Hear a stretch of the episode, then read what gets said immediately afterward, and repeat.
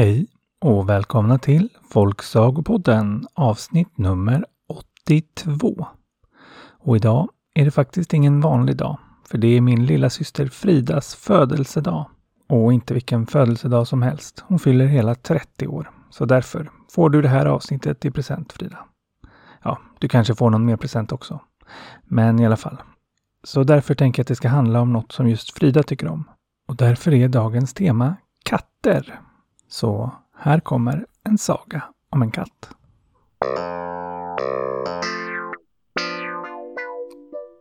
Det var en gång en drottning som hade en ovanligt vacker katt och de var de allra bästa vänner.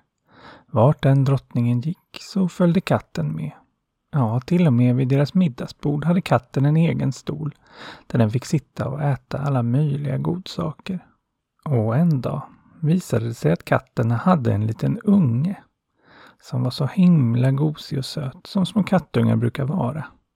Och drottningen hon blev förstås väldigt glad över att hennes nära vän katten hade en liten unge. Men hon blev också lite ledsen och det berättade hon för sin katt. Att hon var så glad för hennes skull att hon hade en fin liten unge. Men att hon själv var lite ledsen att hon inte hade någon. Men då sa hennes katt att hon inte skulle vara ledsen, utan kanske kunde hon hjälpa till. Hon kände nämligen en fe ute i skogen som kanske kunde hjälpa drottningen. Så efter de hade ätit hoppade katten ner från sin stol och sprang ut i skogen och var borta nästan hela dagen. Sent på kvällen kom den tillbaka. Och kan ni tänka er? Dagen efter märkte drottningen att hon väntade ett barn. Och inte långt efter det föddes det lilla barnet. Och det var en mycket vacker liten flicka som alla på slottet tyckte så mycket om. Och mest av alla tyckte den lilla kattungen om den lilla flickan.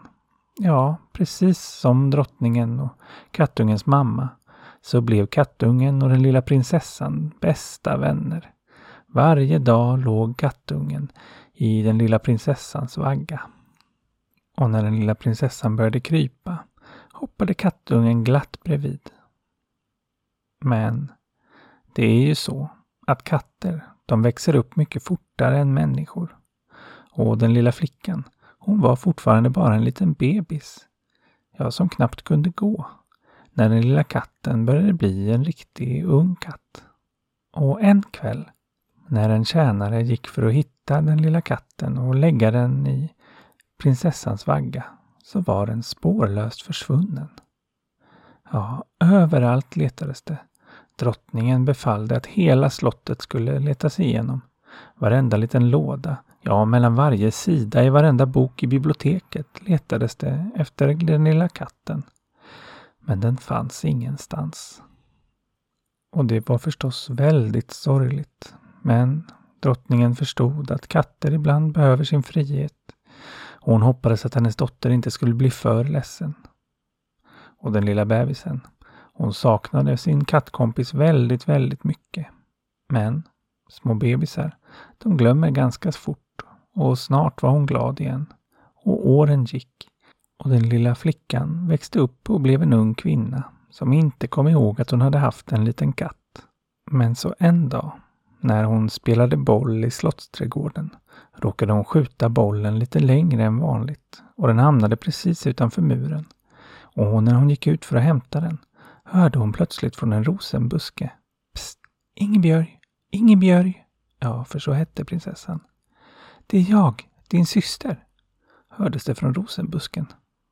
Min syster, sa Ingebjörg. Jag har aldrig haft någon syster. Jo, visst har du haft det. Kommer du inte ihåg? Vi sov tillsammans varje kväll i samma vagga. Kommer du inte ihåg mig? Kisa heter jag, sa rösten. Men Ingebjörg kom ändå inte ihåg. Men Kisa började genast att beskriva precis hur vaggan såg ut och vart i slottet deras rum hade legat. Och Ingebjörg började tänka att hon verkar ju veta vad hon pratar om. Så hon sa, kom fram då så jag får se dig. Och ut från busken kom det en katt. Men alldeles samtidigt som Kisa kom ut ur busken så kom några hovdamer och letade efter Ingebjörg eftersom de undrade vart hon tagit vägen. Och när Kisa fick se dem blev hon rädd och sprang snabbt till skogs. Ingebjörg tyckte förstås allt var väldigt konstigt och senare den dagen berättade hon för sin mamma drottningen om alltihopa. Och hon berättade då att Ingebjörg verkligen hade haft en katt när hon var liten som hette Kisa, som hade sovit med henne varje natt i sängen, men som hade försvunnit när hon var liten. Åh, vad roligt att hon har kommit tillbaka, sa drottningen. Vad gärna jag hade velat se henne.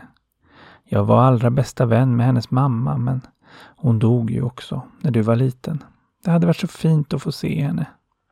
Och den kvällen låg Ingebjörg och funderade och faktiskt kunde hon inte minnas någon alldeles mjuk och kurrande som brukade sova bredvid henne. Jo, nog hade hon haft en syster som var katt, tänkte hon och hon ville gärna träffa Kisa igen. Och dagen efter var det en väldigt varm dag och därför bestämde Ingebjörg att hon ville gå till skogen. Ja, hon sa att det var för att det var svalare där, men egentligen var det för att hon ville fortsätta åt det hållet som Kisa sprungit igår. Hon fick inte gå själv, utan två hovdamer följde med.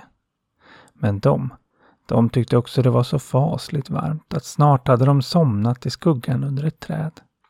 Och då kunde Ingebjörg fortsätta djupare och djupare in i skogen. Och snart var hon längre in i skogen än hon någonsin varit. Och allt började se lite mer sagolikt underligt ut. Men ingenstans såg hon Kisa eller något spår av henne. Men så plötsligt blev det ett fasligt liv av trän som knäcktes och någon som kom gående med stora, bultande steg. Och framför henne stod snart en hiskelig, stor trollgubbe. Du följer med mig, sa trollgubben. Och Ingebjörg, hon vågade ju ingenting annat än att lyda. Och nu ångrade hon att hon hade gått så här djupt in i skogen. Men så började hon gå efter den hiskeliga trollgubben. De gick längre och längre och trollgubben hade ju långa ben så hon var tvungen att nästan springa efter. Och snart var hon alldeles för trött för att fortsätta.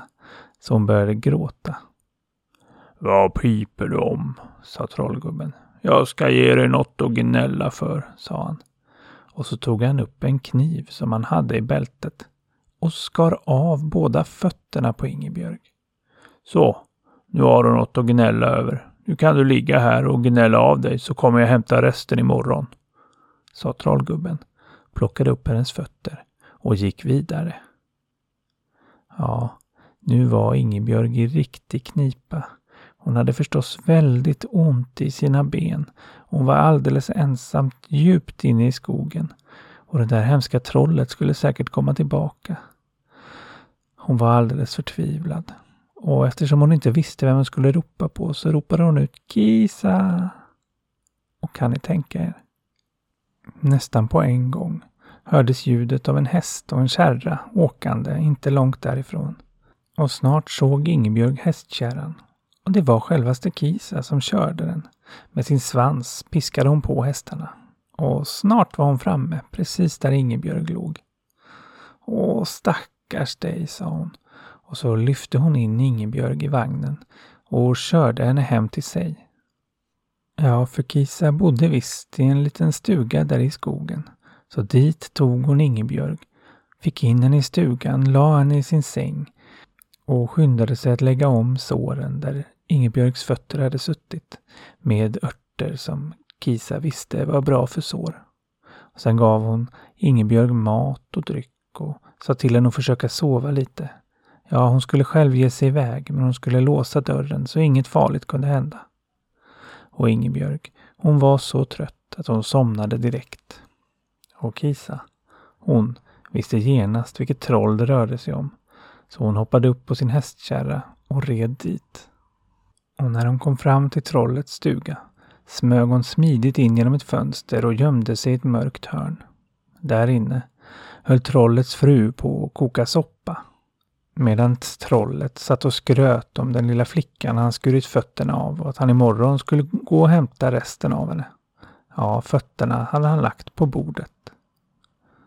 Och Kisa, hon kom snabbt på en plan så hon hoppade försiktigt upp vid spisen när trollkärringen tittade bort och så välte hon i ett helt kar med salt i soppan. Sen hoppade hon ner igen. Så när trollkärringen serverade soppan och de båda åt blev de såklart förfärligt törstiga. Och trollfrun sa att hon inte förstod någonting. Hon hade bara haft lite buljong i, inte ens något salt och ändå blev det så här salt. Så de gav sig båda ut för att dricka vatten direkt ur brunnen. Och då hoppade Kisa snabbt upp på bordet, tog fötterna, sprang ut, hoppade upp i sin vagn och red snabbt tillbaka till sin stuga. Och där hade Ingebjörg just vaknat. Hon blev förstås väldigt glad av att återse Kisa och kanske ännu gladare av att återse sina fötter. Och kanske gladast av allt när hon fick höra att Kisa hade några magiska örter som skulle sätta tillbaks fötterna igen. Men att hon nog skulle behöva vara sängliggande en vecka. Och det gjorde henne inte så mycket. Så i en vecka tog Kisa hand om henne tills fötterna växt fast ordentligt. Då satte de sig återigen i Kisas vagn och red tillbaka till slottet. Och ni kan ju tänka er hur lycklig drottningen var när hon fick återse sin dotter. Och dessutom med hennes älskade katt. Så hon tackade genast Kisa och sa att vad hon än ville ha i belöning så skulle hon få det.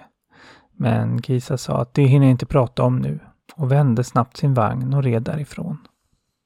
Och fastän Ingebjörg var väldigt glad av att fått sina fötter tillbaka och kommit hem igen så blev hon också väldigt ledsen när hennes älskade kattsyster försvann så där igen.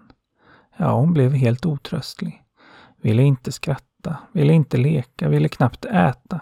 Och hennes mamma blev mycket orolig och visste inte vad hon skulle göra.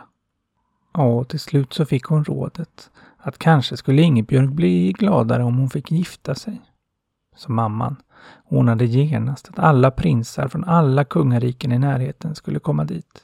Ja, och de kom så gärna, för Ingebjörg var ju känd för att vara både vacker och trevlig. Men Ingebjörg var inte så intresserad av någon av männen som kom. Tills hon till slut hittade en ovanligt lång en med ett skägg som glödde som eld. Ja, då kom det faktiskt ett litet leende i ena mungipan på Ingebjörg. Och hennes mamma blev mycket glad. Och det blev bröllop. Och kan ni tänka er vem som kom på självaste bröllopsfesten?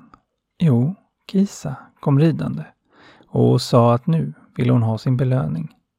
Ja visst, du får vad som helst, sa Ingebjörg och hennes mamma som var så glada att hon hade kommit tillbaka. Ja, jag skulle vilja sova vid fotändan av din säng en enda natt. Så som vi alltid delade säng när vi var små, sa Kisa. Ja, visst får du det, sa Ingebjörg. Men varför bara en enda natt? Du kan väl stanna för alltid? försökte hon. Ja, vi kan se vad du tänker om det imorgon, sa Kisa. Och så blev det bestämt. Så i bröllopssängen sov inte bara Ingebjörg och hennes nya man, utan också den lilla katten Kisa. Och Ingebjörg hon somnade så lycklig som hon aldrig sovit förut. Att hon hade fått tillbaka sin lilla katt. Ja, lite glad var hon väl över mannen också. Men mest över katten.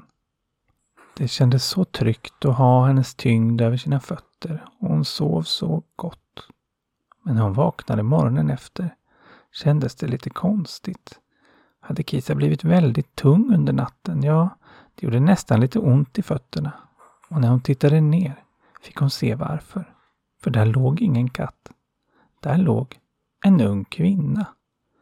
Hon väckte henne och undrade vad det var som pågick. Och när den unga kvinnan började prata så var det med Kisas röst. Ja, jag och min mamma, vi var förtrollade. Hon var en drottning och jag är också en prinsessa. Och det enda sättet att bryta förtrollningen var om vi gjorde en god gärning. Ja, min mamma, hon hann ju inte leva tills förtrollningen var bruten, men hon tänkte att när hon hjälpte din mamma att få dig så kanske det skulle göra något.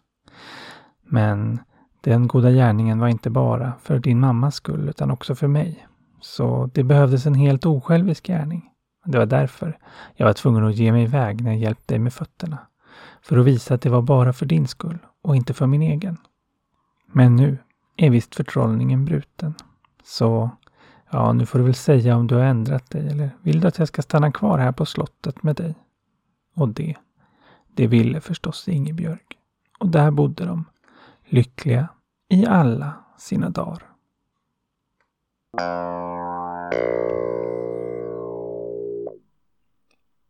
Men så fint.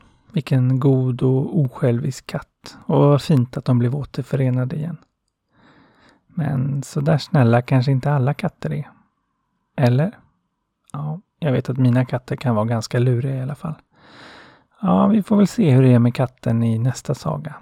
Här kommer Katten och mössen.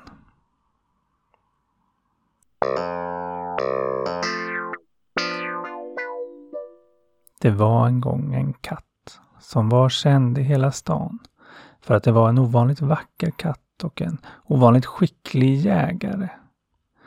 Ja, katten var ganska uppskattad i staden och kunde röra sig lite som den ville, blev ofta kelad med.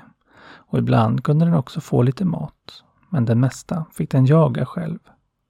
Och just idag var den hungrig men inte så sugen på att jaga. Och då fick den syn på att dörren till ett vinförråd var öppet. Tänkte att där inne kanske det finns någon mus som är lite förslöad av allt vin. Det blir nog lätt att fånga. Så han smög sig in där och mycket riktigt så satt en liten mus uppe på en vintunna. Ja, den var inte så liten heller förresten. Allt det där vinet hade satt sig på magen på den så den var ganska stor och såg rätt saftig ut. Ja, dessutom var den alltså ganska full. Och som vissa fulla människor kan bli så blev musen lite skrytsam. Och just nu skröt den om hur orädd den var. Jag har hört om den där katten. Jag är inte rädd för den va. Den tror att den kan skrämma oss men om den kommer hit. Ja, då skulle den få sig en rejäl smäll ska jag säga. Jag hade jag den där katten här, alltså jag är inte rädd alls. Så där höll musen på och skröt. Och katten blev förstås väldigt förnärmad. Vad var det här för fräck liten mus som inte visste vilken formidabel och fantastisk katt han var? Hade han inte hört berättas om vilken otrolig jägare han var, vilka vassa klor och vilka ännu vassare tänder han hade? Det var det värsta. Men musen bara fortsatte. Hade den där katten här, så den skulle ju inte klara sig i fem sekunder mot mig, det vill jag säga då. Och nu hade katten fått nog. Så den hoppade snabbt fram och tryckte fast musen mot golvet. Visa då vad som ska hända med mig, väste den av ilska. Och då ändrade sig musen mycket snabbt. Nej, nej, förlåt, alltså förlåt, det var ju bara som jag sa, jag menar inte, förlåt, du är starkast och bäst. Bönade musen. Men katten, den var redan så arg, så den slukade musen i ett enda stycke. Och så var den uppäten. Och egentligen borde det kanske inte vara något mer med det. Katten hade ätit många möss förut. Men kanske var det något med hur musen hade bönat för sitt liv. Eller kanske var det något med allt vin som musen innehöll. För plötsligt började katten må lite dåligt. Ja, han fick faktiskt rent av väldigt dåligt samvete. Vad hade han gjort? Sprungit runt och dödat en massa oskyldiga möss. Speciellt den här sista stackaren. Bara för att han hade skrutit lite. Nej, Katten fick faktiskt riktigt, riktigt dåligt samvete. Han började, han började ångra allt han hade gjort. Han behövde genast ta sig till moskén. Så han skyndade dit och tvättade sig som han ska och sen bad han allt vad han kunde om förlåtelse för han gjort vad den stackars musen och alla stackars möss innan. Ja, han lovade att aldrig mer, aldrig mer äta en endaste liten mus, inte döda oskyldiga små djur Åh, snälla, bara han kunde bli förlåten. Och när han bett om ursäkt så där många gånger så kändes det faktiskt lite bättre. Och ännu bättre kändes det för en mus som också var där i moskén för att be. Som hade fått höra att den där hemska katten som jagat honom och hans bröder så länge tydligen hade bestämt sig för att byta bana. Så han skyndade sig genast för att berätta för sina musvänner om den goda nyheten och snart spred det sig att katten i stan som terroriserat dem nu var en god katt som lovat att aldrig mer skada en mus. Och efter några dagar så hade ryktet nått hela vägen till mössens konung. som genast bestämde sig för att belöna och berömma katten. Så han kallade till sig fem av sina närmaste män och sa till dem att hitta de finaste gåvorna och den godaste maten och bege sig till denna ädla katt och tacka honom för hans löfte. Så det gjorde de. De packade vin och russin och dadlar och vattenmelon och allt möjligt gott de kunde komma på. Så begav de sig till katten. Och katten ja, den hade nu hållit sitt löfte i några dagar och visst kände den sig lite bättre i själen men han var också väldigt hungrig. Nu hade han inte ätit på flera dagar för ja, han fick ju inte jaga längre, det hade han ju lovat. Men inte kände han sig särskilt belönad för det. Så när de fem mössen kom för att hälsa på honom så blev han riktigt glad över deras gåvor och drack lite av vinet och åt lite av vattenmelonen och dadlarna och russinen men ja, direkt mätt blev han väl inte. Men de där mössen såg ju ganska goda ut, tänkte han, medan de öste beröm över honom för hans godhet och hans fina, fina löfte. Ja, det var ju synd att han gjort det där löftet. Annars skulle han ju lätt kunna hoppa på de här fem mössen och äta upp dem i ett enda svep. Det vore ju en riktigt bra måltid, tänkte han medan hans kattmage kurrade.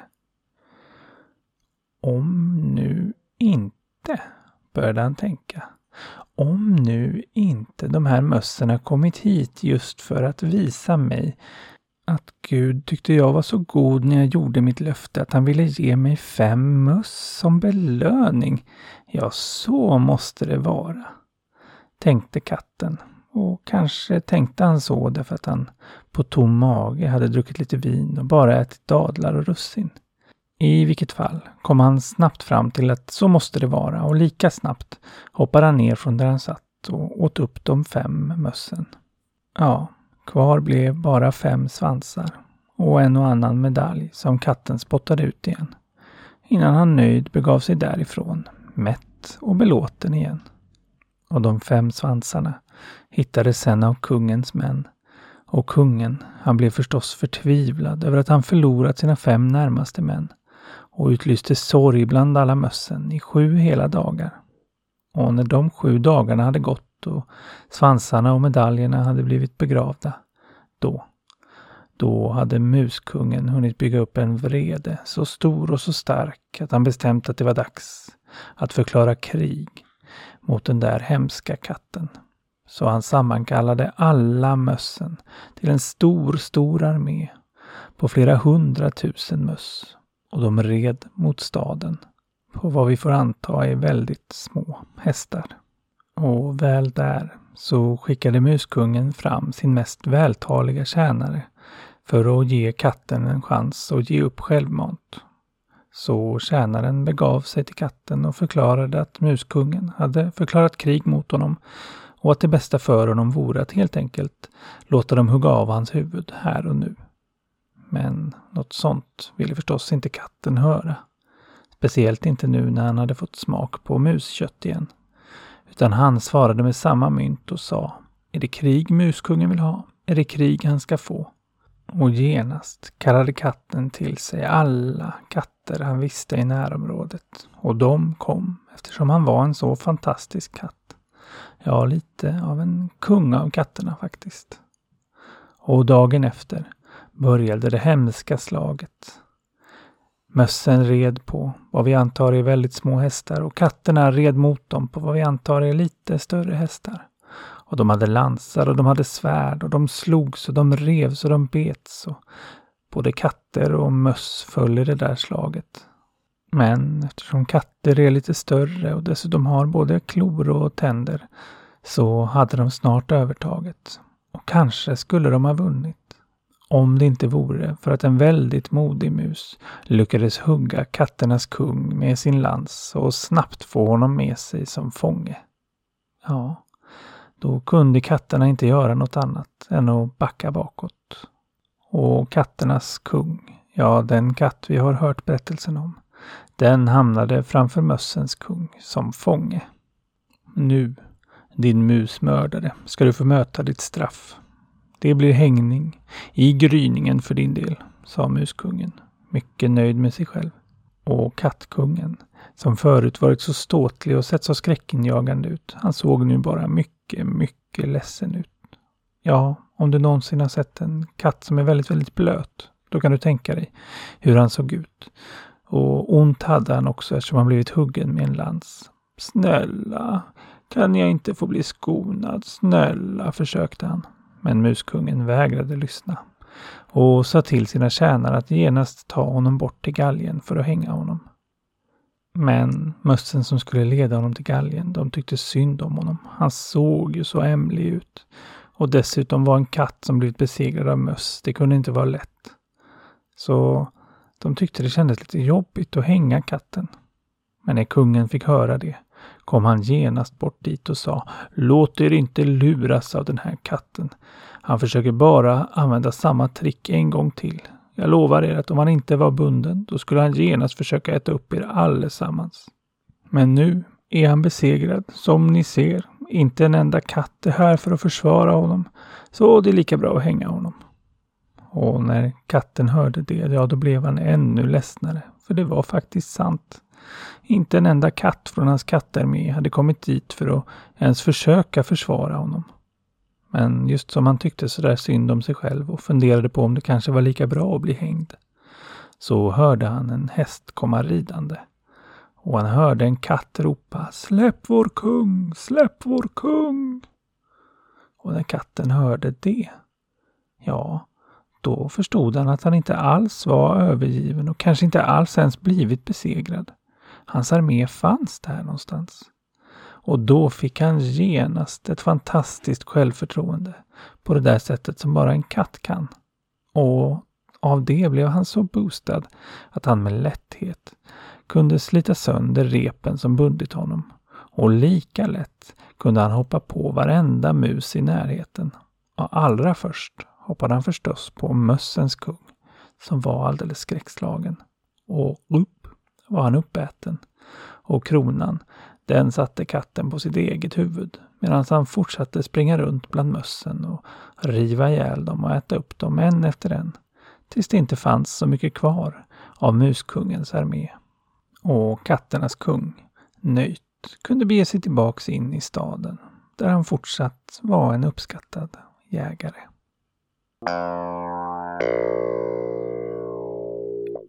Ja, där ser man att man kanske inte alltid, eller kanske inte någonsin, ska lita på en katt.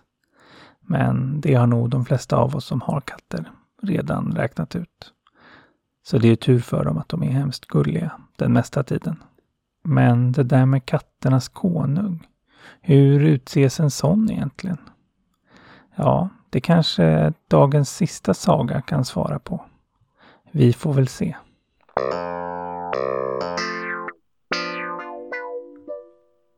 Det var en gång en bonde som sent en natt var på väg hem. Och just som han gick förbi kyrkogården var han med om någonting väldigt underligt. Då fick han nämligen se åtta svarta katter komma bärande på en liten kista klädd i sammet. Det såg mycket underligt ut för katterna gick på sina bakben och bar kistan på sina axlar och de såg mycket mycket allvarliga och ledsna ut. Som att det verkligen var en begravning han såg. Och de bar kistan till ett hål som var grävt där på kyrkogården. Där de sakta förde ner kistan. Sen vände sig en av katterna till honom och sa Hörru du, hälsa Tom Diddledy att Tom Doodledoo har dött. Vad sa du? sa bonden som inte kunde tro sina ögon eller sina öron. Hälsa Tom Diddledy att Tom Diddledoo har dött, sa katten igen. Jag förstår ingenting, sa bonden. Hälsa Tom Diddledy att Tom Diddledoo har dött, sa katten en tredje gång. Sen vände sig de åtta katterna mot det lilla hålet och såg sörjande ut. Och bonden, han stod förvånat kvar och tittade en liten stund, till han plötsligt blev alldeles skräckslagen av alltihopa och snabbt sprang den sista biten hem. Och på vägen hann han bli alldeles iskall av skräck för det där underliga han hade sett. Så han skyndade att klä av sig och lägga sig bredvid sin fru i sängen. Ja, hon låg förstås redan och sov. Men just som han själv skulle stänga ögonen fick han syn på något i fotändan och blev alldeles skräckslagen. Det var ju en katt! Så han skrek till. Så frun hon vaknade förstås och undrade vad han skrek om och han yrade något om katten yra yrar du om? frågade hon. Det är ju bara vår gamla katt som ligger och sover vid mina fötter, som han alltid gör. Och det var det ju faktiskt. Det var deras trygga gamla katt som låg där. Ja, han hade inte ens själv vaknat av att gubben skrek. Så då lugnade bonden ner sig lite. Men nu när de ändå var vakna så passade han på att berätta för sin fru om det där underliga han hade sett. Han berättade om de åtta katterna på kyrkogården och den lilla sammetsklädda kistan. Hur de hade fört ner den i jorden och sen att en av katterna hade sagt, vad var det den hade sagt? Säg till Tom Diddle-Dee att Tom Diddle-Doo har dött. Tror jag det var. Och frun, som tyckte det här lät helgalet, fnissade till lite och sa Vad sa du att katten sa, sa du? Och utan att varken bonden eller hans fru märkte det så vred deras katt nere vid fotändan lite på ett av sina öron för att höra bättre. Ja, jag tror han sa Säg till Tom Diddledy att Tom Diddledoo har dött. Men jag känner ingen Tom Diddledy, sa han. Mm, säg det där en gång till, sa en röst som bonden förstås trodde var hans fru. Säg till Tom Diddledy att Tom Diddledoo har dött, sa jag ju. Och just som han svarat på det insåg han att den där rösten hade inte kommit från hans fru, utan nerifrån fotändan. Och när han tittade ner fick han se att deras katt stod där längst ner i sängen på sina bakben och sa Sa du att Tom Diddle-Doo har dött? Det betyder ju att jag, Tom Dildy, nu är katternas egen kung. Tack för det och hej då! sa deras katt och hoppade ner från sängen, sprang på bakbenen bort till den öppna spisen och där klättrade den upp för skorstenen och försvann. Och de såg honom aldrig igen.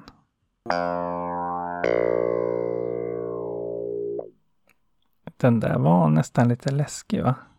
Men kanske allra läskigast vore väl tanken på att ens katt skulle ge sig iväg och aldrig komma tillbaks igen.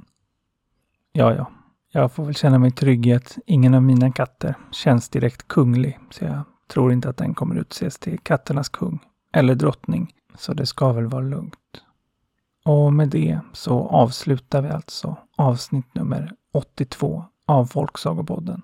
Och det gör vi som vanligt med ett tack till dig som har lyssnat och tack till Anna, Viktor, Elin och MC Snack. Och ni kommer väl ihåg att följa och kanske skriva till mig på Folksagopodden på Instagram eller Facebook. Och berätta gärna för någon som ni tror skulle uppskatta podden att podden finns.